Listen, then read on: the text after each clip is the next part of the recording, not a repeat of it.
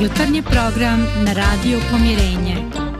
Predstavit ćemo vam društvena zbivanja, aktuelnosti, životne mudrosti. Uključit ćemo i goste koji će govoriti o različitim aspektima života. Sve ćemo bogatiti dobrom muzikom. Sve to samo za vas. Jutarnji program.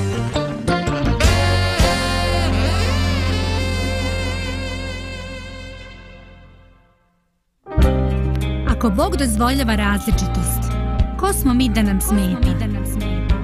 Emisija Ljepota različitosti. E, pozdrav dragi pratioci radio pomirenja. Evo, želim vam e, lijep posljednji dan mjeseca januara. Temperature su nešto niže, no da ne budemo kao ovih iz komunalne službe koji kažu da je snijeg iznenadi u decembru, Dakle, i normalno je da nam je malo zima. Nadam se da u kući imate neko grejno tijelo i da imate ljude koji vam griju srce. E, danas ćemo govoriti o jednom fenomenu koji su mnogi misleći ljudi e, doživjeli, susreli se sa njim. E, jednostavno, ljudi koji žive e, svoj religiozni život, bilo da odlaze redovno u crkvu, džamiju ili slično toga, imaju svoje isto mišljenike, ljude koji respektuju, koji dijele njihovu vjeru. I najčešće oni nastoje da se druže sa onim predstavnicima svoje vjeroispovijesti koje respektuju, od koji smatruju da mogu nešto pametno čuti i od kojih mogu nešto naučiti. No, posebno iskustvo našega života je kad sretnemo ljude koji ne dijele naše konfesionalno pripadnost ili opredeljenje, a u čijim očima, u čijim srcima i u čijim postupanjima vidimo nedvosmisleno prisustvo Božje prirode. Vidimo da su to ljudi koji su dotaknuti duhom. No, to je neki fenomen o kojem svakako smo ga susreli, pokušat ćemo danas o tome pričati. Ja dakle pozdravljam e, Draganu i Božidara, našeg tonca Lidiju, I, no želio bih da prije nego što uh, pokušamo da zaronimo u temu, pogledamo naš uvodni video. Nakon fenomena susreta koji u čovjeku otvara period vjere, postoji još nešto.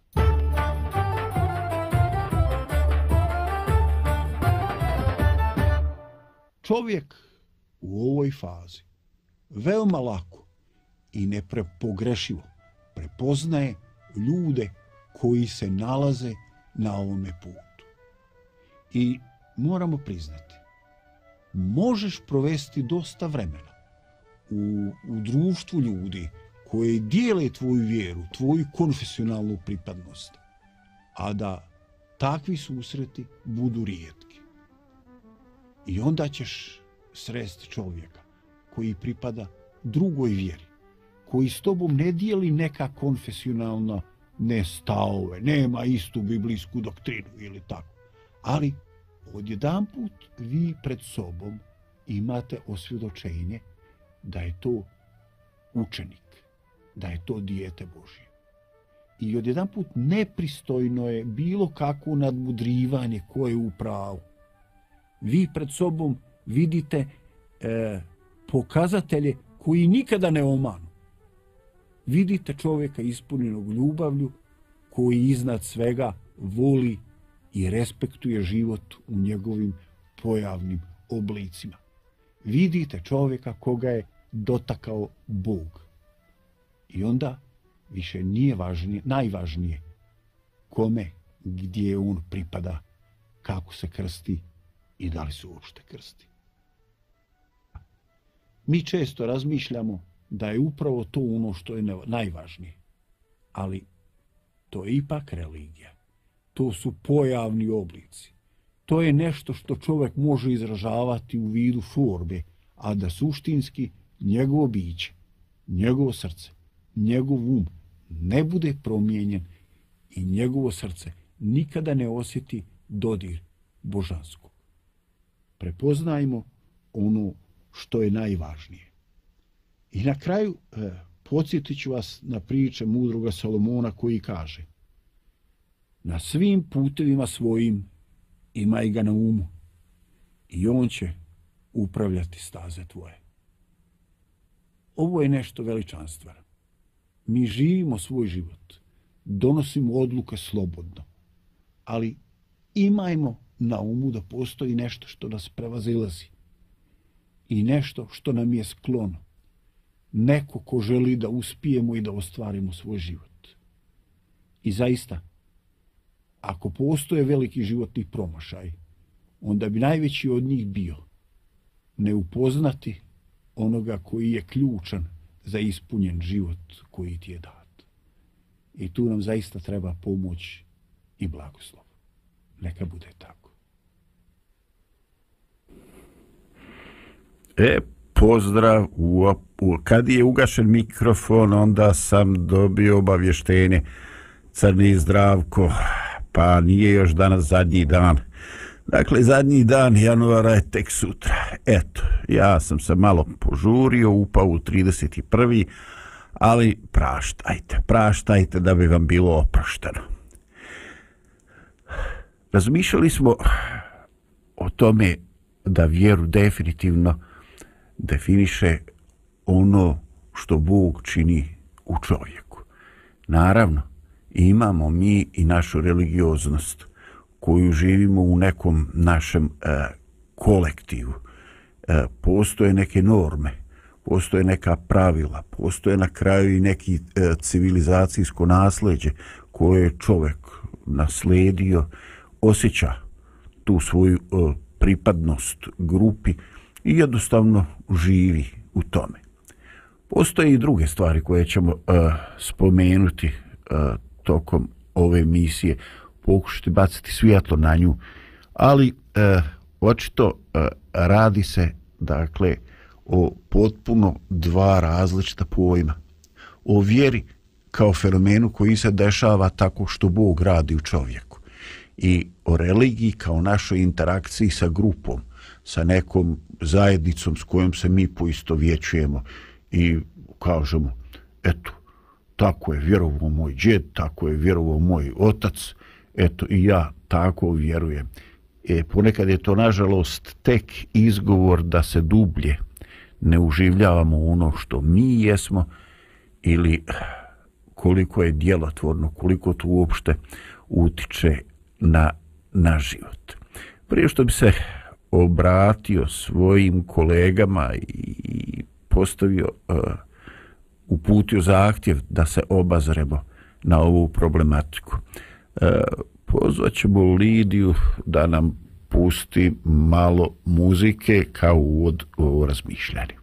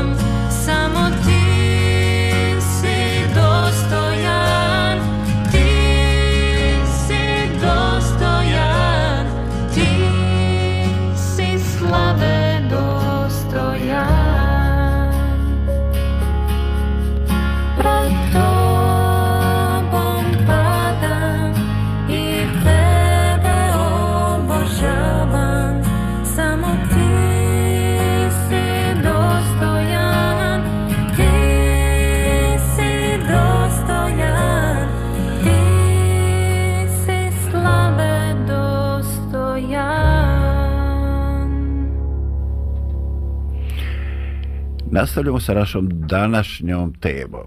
Dakle, govorimo iz čega proizilazi naš a, vjerski mentalitet. Dakle, ako imamo ta religiozna osjećanja, ako sebe identifikujemo kao religioznog čovjeka, koji su to sadržaj koji se nas određuju?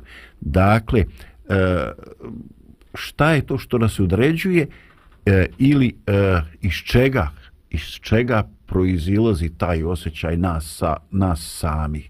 Dakle, e, Dragana Božidare, kada ovo pitam, pitam ovaj, i vaš lični doživljaj i neko vaše prepoznavanje, e, šta vi mislite kako to uopšteno biva, koji su dakle vaši odgovor i koji su najčešći odgovori među ljudima sa kojim živite ili sa kojima živimo?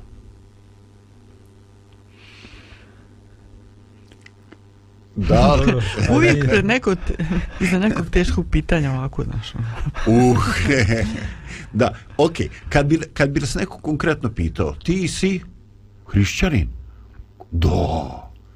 A onda on kaže, recimo, došao je, ne znam, došao je tamo negde s dalekog istoka, neki je uh, budista ili tako, i ovaj naučio jezik i sad on kaže, a šta, u čega se sastoji, šta određuje tvoje hrišćanstvo? Šta je to što čini da ti jesi to što jesi? Ja sam pomogao ili sam još zabavio? Pa jesi, jesi pomogao sam. Nego ja uvijek očekujem prvo dama da govori, pa onda ja.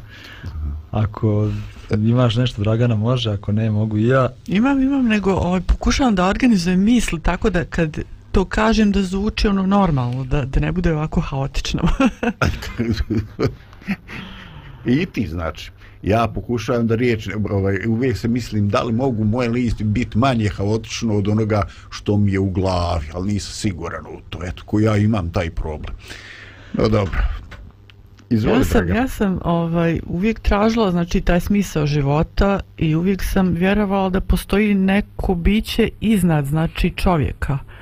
Pokušavala sam da tražim odgovor u, i u filozofiji da vidim da li je stvarno čovjek taj koji je najveć, na najvećem nivou, da li u njemu smisao i onda sam uh, ta, ta, ta vjera uh, u, u Boga uh, se u meni razvijala. Znači godinama i godinama ali naravno lutala sam malo tamo, malo ovamo da vidim čisto da ispitam ovaj da li, da li stvarno da li sam stvarno u pravu kada, kada vjerujem da je stvarno eh, Bog kao žrtva došao na zemlju u vidu uh, čovjeka koji se zove Isus i da li je da li postoji možda neki drugi spasitelj? Da li je potrebna žrtva i sve to znači ispitivanje? Ali stekla sam taj uh, identitet uh, stvarno sam uh, um, izgrađeni su ti temelji znači na kojima se kasnije razvijao ta još više znači moj hrišćanski identitet. Zato što sam imala već povjerenja u to sve ne samo u činjenice ne samo u religiju to je na nekim drugim mjestima ali na prvom mjestu je znači taj moj odnos sa Bogom uh, odnos drugih ljudi sa Bogom i ono što što po onome kako ja gledam život i svijet što vidim da, da on radi na ovoj planeti. Uf, čoč. Što je bilo sad? Dobro ovo zvuči, samo ne znam da li, da li sam te ispratio do kraja. Ovo, baš si to zaronila. Da, moje iskustvo malo drugačije od Draganog, zašto sam ja odrastao u jednoj religioznoj porodici. To je bila jedna porodica koja je išla redovno u crkvu, u jednu manju protestantsku zajednicu. I ja sam od rođenja osjećao se kao pripadnik te zajednice. I dok sam bio dijete, ono što sam ja poznavao bila su učenja, pravila, šta se smije, šta se ne smije. I tako se definisao i moj, moj neki vjerski život. Ali kako sam postojao, kako sam odrastao, Neko čezno sam više da se povežem sa, sa Bogom nego samo sa, sa svojom vjerskom zajednicom. Tako da sam pokušavao nekako da da saznam ko je Bog, kakav je Bog, pa sam čitao čitao sam Bibliju, čitao sam Evanđelja i mogu da kažem da sam ono što jesam, a jesam sljedbenik Isusa Hrista zato što sam nekako u Hristu pronašao najpotpunije otkrivenje Boga i nigdje nisam pronašao takvu ljubav kao što sam pronašao u, u životu i u službi Isusa Hrista. Ali ono što je zanimljivo, kad čitam evanđelja, ne vidim da Hristos pripada samo jednoj religiji. Hmm. Danas ljudi smatraju da on pripada samo hrišćanskoj religiji, ali ja to ne vidim tamo kad čitam. Ja mislim da je Hristos došao za sve ljude, da želio je svakom čovjeku da otkrije o, karakter njegovog nebeskog oca, oca koji je pun ljubavi i mislim da on pripada svim religijama i mnoge religije ga u stvari poštuju. Da. Da, ovaj, pa ja sam kao dijete rođen na ovim prostorima, ovaj, bit ću iskren. E, ponio neke otežavajuće okolnosti koje mi ljudi imamo. Spomenuh karakteristične probleme koje mi imamo na ovim prostorima. E, dakle, e, srećući ljude e, koji su pripadaju islamskom svjetonazoru, a koji su rođeni ili studenti koji su došli sa istoka. Ovaj, ja sam e, dosta rano, ali na moje iznenađenje shvatio ovaj, da postoji jedan kontinuitet da su i Mojsije kao najmarkantnija ličnost e, jevrejstva Isus e, osoba broj jedan u hrišćanstvu da su oni svi e, na neki način prepoznati kao Boži poslanici u islamskoj teologiji. I onda sam se pitao zašto ja družeći se idući u školu sa, šta znam, sa pripadnicima drugih religija, nisam to shvatio. Da li su to uh, ti mladići koji su ovaj, bili drugačije e, uh, upredjeljeni, rođeni u drugom vrstama konfesionalne, drugim porodicama, da li su i oni to znali? Kako ja to nisam mogao zaključiti? E, kako, zašto sam ja morao da čekam da sretnem studenta s nekih drugih prostora da, post, da shvatim to što ti kažeš? Uh, E, pet prvenstveno za Isusa, ovaj, da je to veličina koja je neupitna u bilo kojem od ovih monoteističkih velikih religija. Dakle, e, već vidim u ovome što vi govorite, e, postoji nešto što je nasleđe. Evo, ti si bio sasvim konkretan Božidare, ovaj, e, ti si krenuo od nečega što si identifikovao, čemu si pripadao, a onda si tražio neku svoju interpretaciju, svoj susret sa tim Bogom koji je djelatan i koji danas nešto čini ovdje na svijetu. Do onoga dragarenog stava gdje je to bilo jedan ovaj, misaoni izazov praktično traženja traženja istine.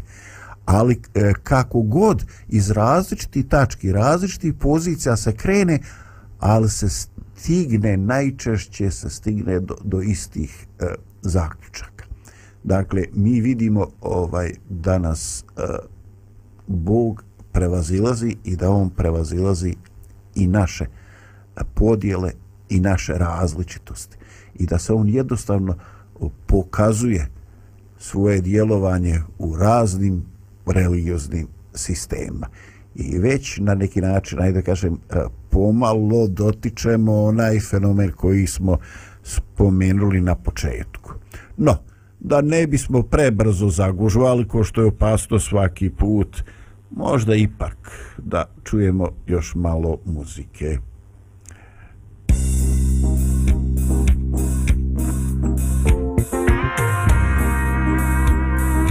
Radio Pomirenje.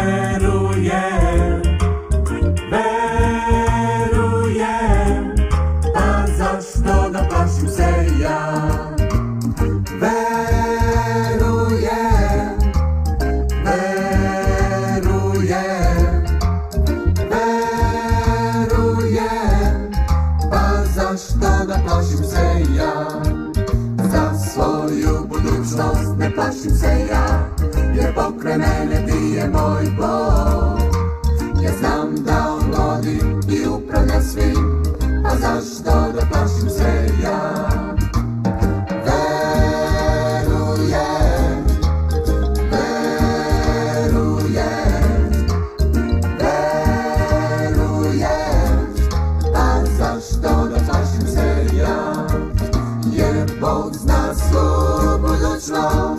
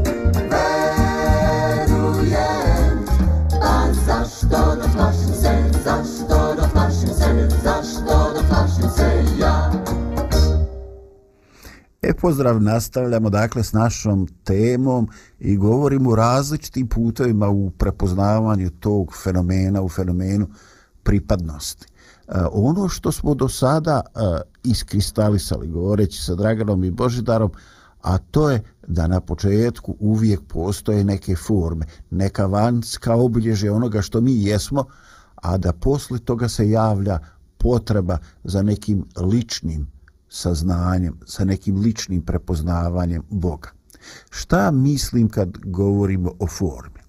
Jednostavno, e, postoji puno toga već u samom hrišćanstvu u kojoj se religiozne grupe dijele. Eto, kad ljudi žele da se osjene znakom krsta, neki će to uraditi sa tri, a drugi pak sa pet prstiju ili sa čitavom rukom. Dakle, suštinski to je asocijacija na krst na kome je raspet gospod. S druge strane, e, postoje prilično kruta pravila i malo je vjerovatno da će pripadnik jedne konfesije e, namjerno ili nenamjerno učiniti to drugačije. Dakle, vanjske forme kao znaci raspoznavanja. Kako vi vidite domete forme? Dakle, postavlja se pitanje kako te forme nastaju, čemu služe, ko je njihov domet? Pa dobro, ja više volio da pričam o, o bratu druge vjere, ali prvo ćemo malo o tim formama, ne znam, nija. Pa ne znam, forme, forme postoju da bi nekako uskladile grupu, da bi grupa mogla da funkcioniše, da bi grupa imala neki način kako da razgovara, kako da služi Bogu, kako da ima svoje sastanke, zato nastanu te neke forme. A, te forme su korisne, međutim ono što je meni interesantno da, pošto sam živio sedam godina u Sarajevu, tamo sam imao prilike prvi put da izađem iz svoje neke forme. Cijeli život sam odrastao ja u svojoj vjerskoj zajednici, onda su nas pozvali na jedan međureligijski skup. To je bio jedan centar Nahla u Sarajevu, to je jedan ženski centar koji pomaže ženama da se edukuju, obrazuju, zaposle i tako i nekoliko dana smo proveli nas trojica iz adventističke crkve sa ljudima drugih vjera tu. I to mi je bilo tako jedno otkriće kao kad otvoriš svoje oči i ugledaš nešto što nikad u životu nisi očekivao da ćeš da ugledaš. Ono, obično od malih nogu te uče da ovaj drugi je neki otpadnik, da je on nevjernik, da jedino ti imaš ispravna vjerovanja. I mi smo se čak i u crkvi svi zvali braća i sestre braća i sestra, zato što dolazimo tu u istu crkvu, ali često se znalo dogod da mi ne pričamo s braćom i sestrama ili da imamo probleme s braćom i sestrama, ali tamo dođem i sretnem ljude koji su bili muslimani, koji imaju drugačija vjerovanja od mojih, ali osjećam da su moja braća i sestre, zato što nas nešto veže, ne isti duh nas nekako veže, vidim neku čistu vjeru, u Boga i ljubav prema ljudima i ne znam, to mi je bilo tako jedno važno iskustvo u životu i tako jedno pozitivno iskustvo u životu. Tu sam sreo, na primjer, Medinu, sreo sam Dževadu, obrazovane djevojke i žene, muslimanke, ali osjećam, da, osjećam bukvalno kao da nam isti duh i u njima i u meni. I, i ne znam, i mnogo sam kasnije s njima i radio i sarađivao i niti sam ja njih preveo u moju vjeru, niti su one mene prevele u njihovu vjeru, ali mislimo da to nije ni bilo ni važno. Ovaj. Pa dobro, zato niste stigli u novine, da je bilo šta od toga, onda bi se već našao neko da, da to pokaže kao jedan događaj porazan ili triumfalan, kako god. Ali očito je, očito je da u tvojoj glavi to je sve jako pozitivno iskustvo. Sad ovaj u mene. da, na ovu moju stranu se nalazi Dragana i ovaj pokret je značio, izgleda da je Božidar Samo ćemo je značajno pogledati. Da. pa ne, razmišljam baš ovaj, to, to je, šta znam, ovaj, već sam spomenula, kod mene je rodbinja, znači, uh, šarena što se tiče nacionalnosti i vjeroispovijesti raznih, tako da, šta znam, meni je to, i odrasla sam u takvoj okolini gdje, gdje je to bilo, šta znam. Poštuješ ljude i drugih vjeroispovijesti i, i, ili ateiste, šta znam. A ovaj, zato što su, eto, ljudi. I oni imaju svoj izbor i ti imaš svoj izbor i sve je to tako, znači, ovaj, razmišljam recimo o, o svojim, ovaj, uh, kumovima koji su druge vjeroispovijesti, kad sam sad recimo, kad su me prvi put krstili još kao bebu, bez, bez moje dozvole, znači, ali ja čisto zato što je to, smatrali su ovaj, da je to eto, nešto pozitivno i lijepo i treba tako. I ovaj, a onda kad sam ja odrasla, dovoljno da, da izaberem, znači, št, kojim ću putem ja ići, onda sam ja odlučila tako da znači idem ali kažem ovaj kod mene onako šareno pa m, zbog toga sam ne znam uvijek mi je bilo to uh, fino terašite vjero ispovijesti samo zavisi znači kakav je duh u svakome od nas. Što ti kažeš možeš ti biti u jednoj vjerskoj zajednici a da ne pričaš sa, sa nekim ljudima i da, da bude još i gore. Ali ovaj važno je jako znači Eh, šta te povezuje sa bilo kim. Ja sam hm, trebalo mi je da, da priznam sebi da, da ja nisam jedno vrijeme ni željela da se uključim u neku uh, vjersku zajednicu zato što sam to osjećala kao neko ograničenje. A ovo mi je bila fino onako sloboda da mogu u duhu da komuniciram sa različitim ljudima. Očito ovo je interesantno. Ono što je meni dragocino u vašim nastupima, to je što vidim e, da niko od vas nije onako ovaj e, imao ekstremni stav ponekad prisutan u, u tim protestantskim su. Nebitan je duh mani formu ma nemoj da se lažem, mi uvijek imamo formu i uvijek napravimo formu za kratko vrijeme, a kamoli te vjerske zajednice koje žive vijekovima, normalno je da postoje forma kao potrebe način organizacije.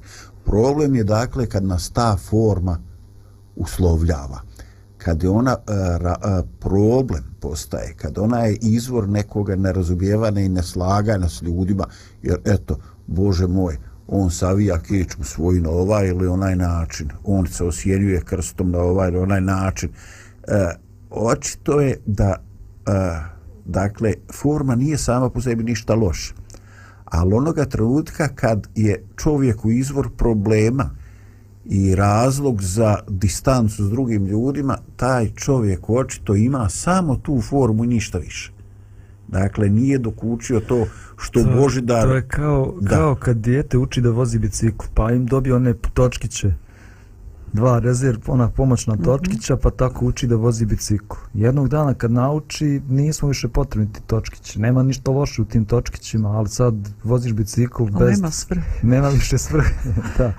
Ovaj, forma je tu da nam pomogne na početku, da naučimo da vozimo bicikl, da, da uspostavimo odnos sa Bogom, ali jednog dana kad, nau, kad si uspostavio te odnos sa Bogom, ta forma više ti nije toliko važna, ta forma može da se promijeni, da bude i drugačija.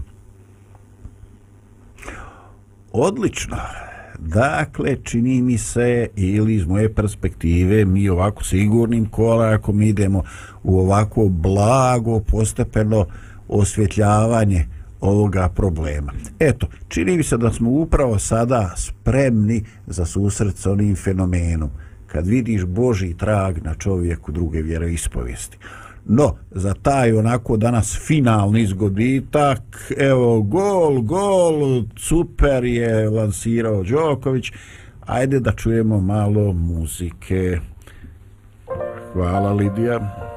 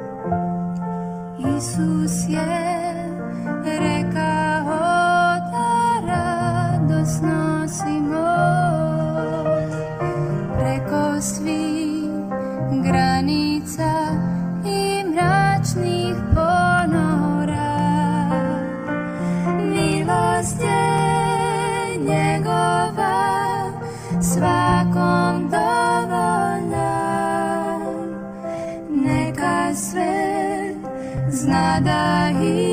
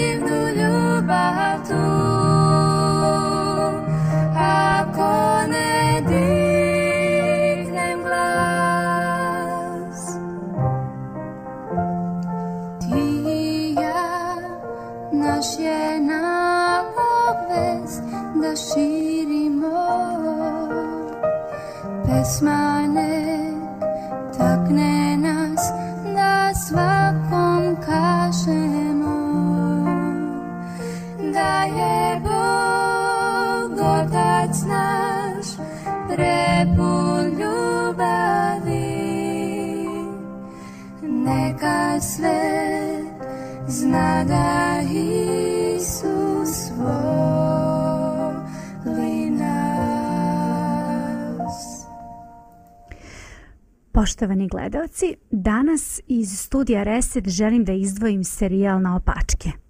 Njega vodi jedan od naših domaćina i sagovornik u emisijama u radiju Pomirenje, Božidar Mihajlović.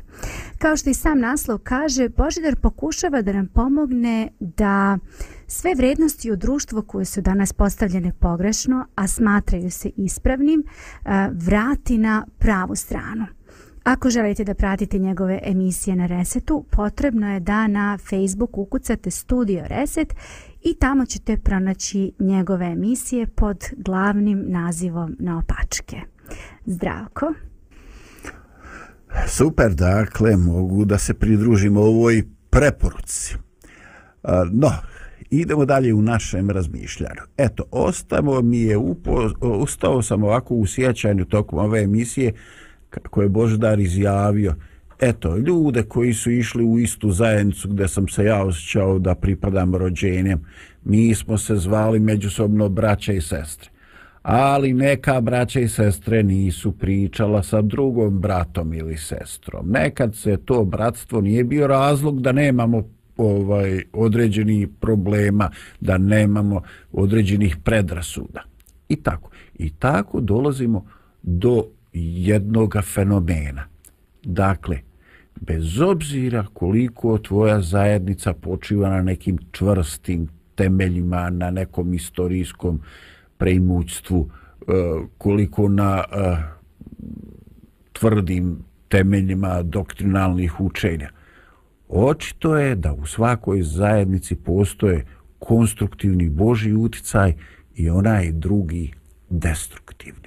Dakle, ništa od onoga što zovemo grupa, konfesija, taj neki grupni identitet, e, nije sam po sebi garancija.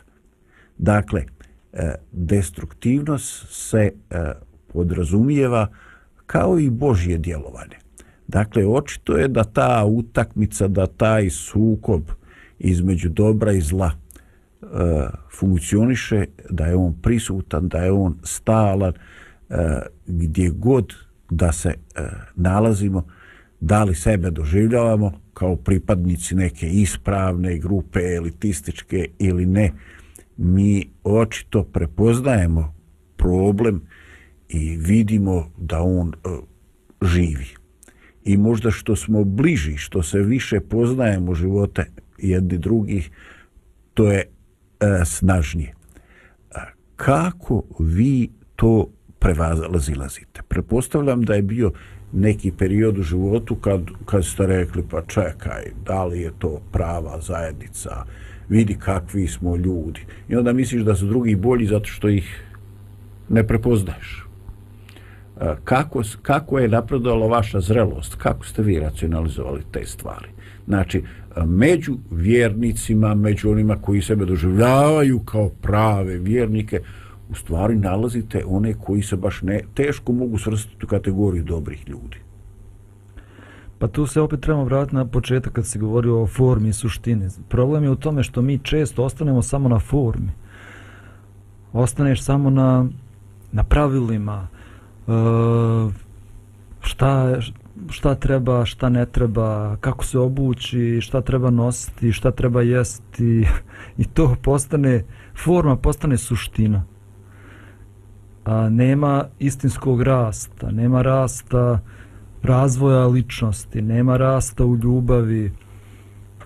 I, ali to je problem svih religijskih zajednica. Evo kao što sam rekao, ja sam živio u Sarajevu, Sarajevu sedam godina, čak sam i vodio jedan centar za međureligijski dijalog i tu sam razgovarao sa mnogim mojim kolegama, prijateljima iz drugih religija. Iste stvari u sve jednoj religiji postoje. U svakoj religiji imate fanatike, u svakoj religiji imate ljude koji, a, kojima je to najbitnije, ne znam, nija, šta jedeš, kako se obukao, kako dolaziš u crkvu ili kako dolaziš u džamiju, šta govoriš, ovaj, i to, to im postala čitava religija i proganjaju sve one koji se suprote tom njihovom mišljenju ili koji ne, ne mogu da se uklope u, taj njihov, u tu njihovu sliku religije. Dok opet s druge strane u svakoj religiji imate ljude koji su sa te suštine došli do forme, e, sa iz forme došli do suštine do ljubavi u stvari, do života ljubavi. E onda takvi ljudi su spremni i sposobni da čak i izađu izvan kruga svoje zajednice i da to isto vide i u nekom bratu ili sestri druge vjere. Ja sam to vidio mnogo puta, znači u Sarajevu i u toj nahli ko sam pričao, na fakultetu islamskih nauka, u mnogim susretima sa ljudima drugih zajednica. Da. To je definitivno, znači, ako se nisi zabarikadirao i stavio kalpak, onaj vizir od, od ovaj viteškog oklopa na glavu, ti ćeš se to prepoznati. Samo je pitanje, hoćeš biti spreman da to i priznaš da je to tako. Ti se zrako spomenuo tu riječ uh, ispravno i to me asociralo dalje na ove, tekle su mi samo misli. Uh, znači, uh, ljudi bi, bez obzira da li su pripadnici uopšte neke vjerske zajednice ili nisu svejedno, uglavnom dosta njih, neću reći svi, ali većina ljudi želi da, da budu nekako ispravni i nekako i u svojoj glavi, a i pred drugima. Da li mhm. to neki strah, a vjerujem da jeste. I sad tu ima možda više i strahova. Nije to samo strah od osude drugih. Ona mentalna osuda, šta će mi drugi reći ako sam ja ovakav i onakav. A šta će drugi reći o mojoj vjerskoj zajednici gdje ja pripadam, onda se moram boriti, moram se svađati, moram se dokazivati i tako to. a, nego tu ima još neki strahova šta ako ja iskačem iz svoje vjerske zajednice a, od ostalih ljudi da li će me oni prihvatiti ili neće da li, kako ću se dalje razvijati da li ću imati neku prihvaćenost i da li ću se osjećati kao, kao da pripadam tu i tako, znači razne, razne vrste strahova. A, tako, znači sa, sa grupom ljudi, da li ćemo se mi, bez obzira je li to grupa od 15 ljudi ili 500, da li ćemo se mi uklapati u ostatak uh, uh, čovječanstva, da li će nas ljudi drugi prihvatati, i onda nastaju te razne borbe i unutrašnje i spoljašnje i, i svašta. Znači samo iz tog iz tih raznih vrsta strahova. Jer svi mi hoćemo da smo prihvaćeni da smo povezani jedni sa drugima. To je nešto u nama znači da kažem prirodno. I, i ali opet se rekao tu riječ maska ha, i Bože neki dan isto ima emisiju o ovome maska Znači, kad se osjećamo povrijeđenima i, i da smo nemoćni, stavljamo maske.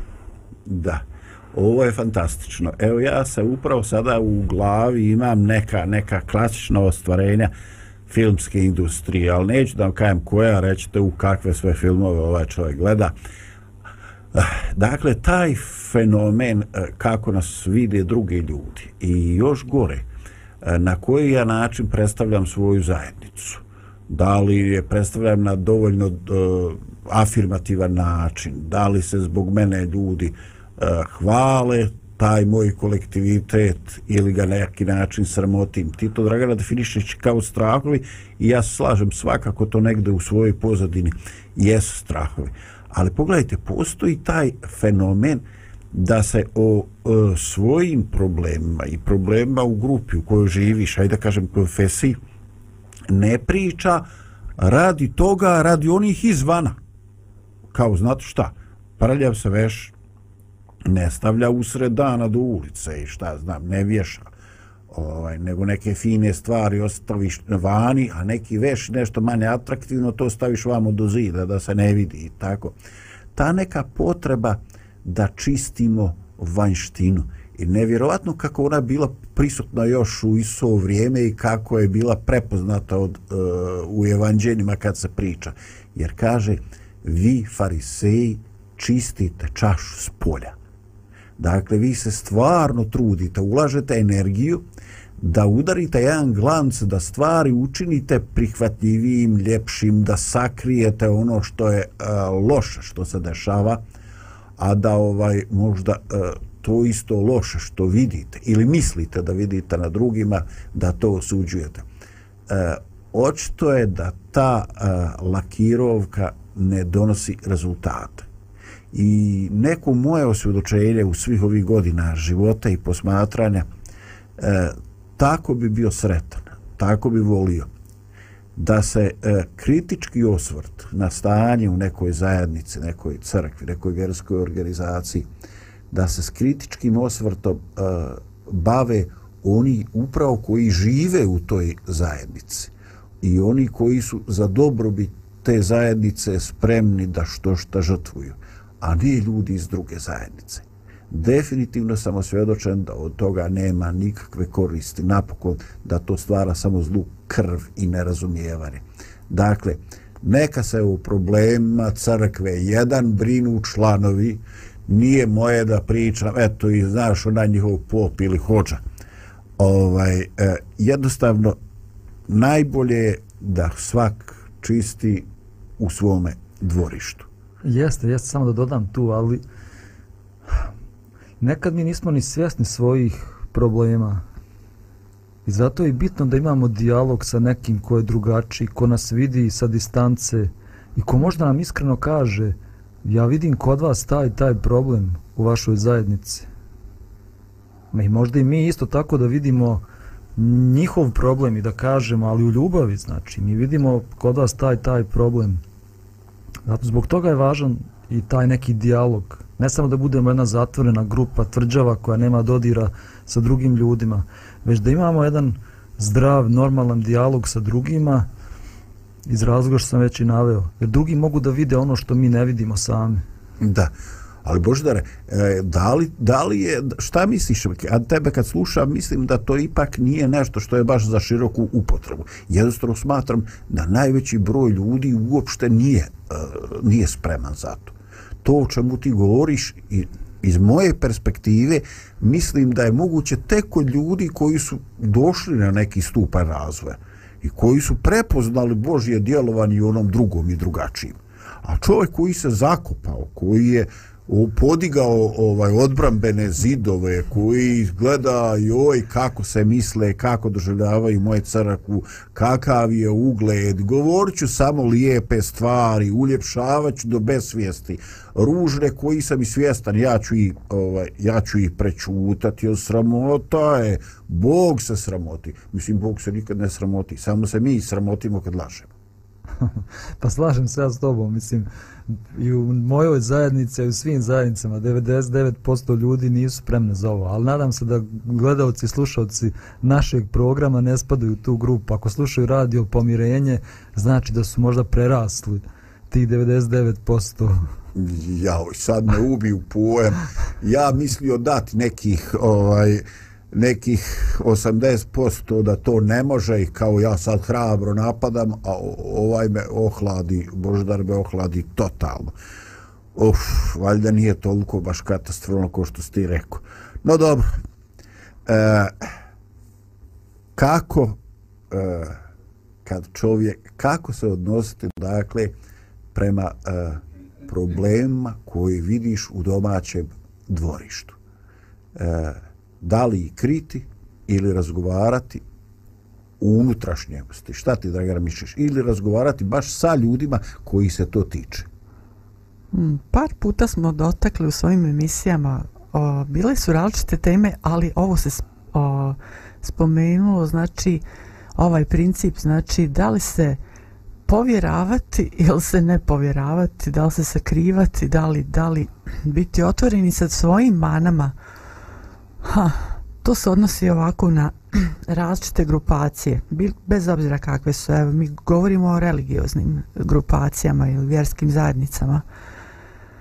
Da li pokazivati otvoreno svoje mane, da li sve ili samo neke i koje ha, ti ako ne odeš doktoru o, ne ako ne, nećeš da. da Pa čak i ako ne kažeš komši, i komšija ti može pomoći. Da ti kaže, e, imaju ove trave ili ne znam koji lijek za tu i tu tvoju bolest. E sad zavisi, ti ako nekom drugom komši kažeš, e, imam taj taj problem, on će mo možda da ti se smijava ili ne znam šta, da, da nešto iskoristi to, da kaže nešto drugima, e, ajmo nešto protiv njega uraditi, šta znam. Znači, hm, ako hoćeš neki konkretan odgovor, mm, nemam, ne mogu ti to, znači, znam da je samo uh, onaj koji je sve nas stvorio da se, da se njemu možemo povjeriti, da nas on može liječiti, da nas Uvijek, voditi pravim da. putem. Da, u svakom E slučaju. sad, s- sinoć razmišljam o ovom, evo kratko ću samo, um, upravo mi je ovo palo, nisam ni znala da ćemo o ovom pričati danas i razmišljam o tome, um, Isus je umrao za, pom, onako kako ja vjerujem, znači za čitavo čovečanstvo i kad se kaže Isus je umro za prostitutke, za ove i one, za se, serijske ubice i ovo ono, ne zato da oni ta, i dalje ostanu u takvom stilu života, nego čisto da Isus je svojom smrću otvorio vrata, e pa sad svaka osoba ima priliku da se mijenja, odnosno da ona odluči hoće li se mijenjati ili neće. I da um, znači pređe iz, iz smrti u život, da tako kažem. Možda nisam dobro objasnila, ali um, znači, znači Vjeruju, čini se to meni dobro. Ovaj, čini se da si ti to, meni se čini da si ti to već dobro objasnila. Ne znam da li si još nešto htjela, ali ovo je meni sasvim jasno. Pa, hm, to da, da, da jednostavno Bog, uh, ne znam kako ga svi vidimo, ali Bog je jednostavno neko ko želi da djeluje u srcu svakom, svakog čovjeka, znači iz cijelog čovječanstva, ali nismo svi takvi da mu dopuštamo to. U tome je poenta. Dobro. Da se vratim samo na Da. da ono što Naravno, govorio, da naravno. trebamo pa naravno da ne trebamo ići po ulicom i pričati o svojim problemima i konfliktima. U svakoj zajednici postoji konflikt u svakoj porodici postoji konflikt a postoji način kako se konflikti rješavaju sam Hristos nam je u evanđeljima rekao kad vidiš da brat griješi idi kod njega kući pa razgovaraj s njim.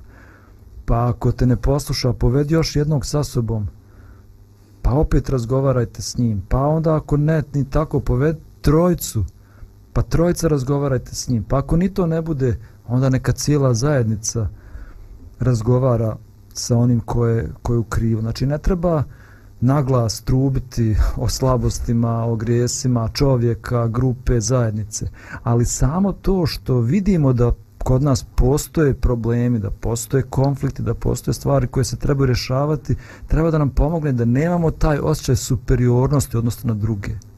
Super, ali vidiš, ovaj, izvini, ali ja mislim da mi češće uh, u javnosti imamo problem, uh, ne, ne sad imamo problem da ljudi su previše eksplicitno govore o onome što se dešava u njihovoj grupi, nego mi imamo problem sa ljudima koji su jako skloni da se kritički osvrnu na nešto što se tiče tuđe zajednice i života tamo. I intenzivno neugodu doživljavam zbog toga. Šta, šta ljude poziva? Kakva je svrha? Kakva dobrobit može ovaj i proistići iz toga ako ti komentarišeš ponašanje nekoga pastora, hođe, nekoga vladike, a ne pripadaš toj konfesiji. Šta zašto? dobro može do, Da, izaći? zašto inače mi kritikujemo druge ljude? Zato što želimo da mi izgledamo bolje u Da odnosu na njih. skrenemo pažnju sa sebe na druge. Ono, ono, u po- ono negativnom smislu. Ove, ne, tu nema nikakve konstrukti, to nije konstruktivna kritika da pomogne nekome, nego je to želja da ja izgledam bolje nego ovaj drugi. Ali mislim da bi trebalo da u drugima mi gledamo uvijek dobro, da se kritički osjećamo prema sebi, a da u drugima uvijek tražimo ono što je dobro i u pojedincu, a i u drugim religijskim zajednicama. Jer ima mnogo toga dobrog što možemo uvijek da primijetimo, što možemo da pohvalimo, a da ostavimo njima da se, da se bave sa svojim problemima. Da. Pa mislim, Božidare, da su ovo ovaj, riječi koje na neki način e, lijepo e, zaokružuju danas še naše razmišljanje. Evo, ostao nam je još jedan mali dio u kome bih pročitao stih ili tekst iz svetoga pisma i nakon kojeg bi ćemo pustiti odjavnu špicu i pozdraviti sve vas želeći da imate dan u kome ćete gledati da ono što je konstruktivno i dobro preovlada u našim mislima i našim razgovorima. Dakle, čitam tekst iz Rimljanima poslanici svetog apostola Pavla. Jer pred Bogom nisu pravedni oni koji slušaju zakon, nego će oni opravdati koji ga tvore. Jer kad neznabošci ne imajući zakona sami od sebe čine što je po zakonu, oni zakona ne imajući sami su sebi zakon. Oni dokazuju da je ono napisano u srcima njihovim što se čini po zakonu, budući da im savi svedoči i misli među sobom tuže se ili pravdaju. Imajte lijep i blagosloven dan. Pozdrav iz Radio Pomirenja.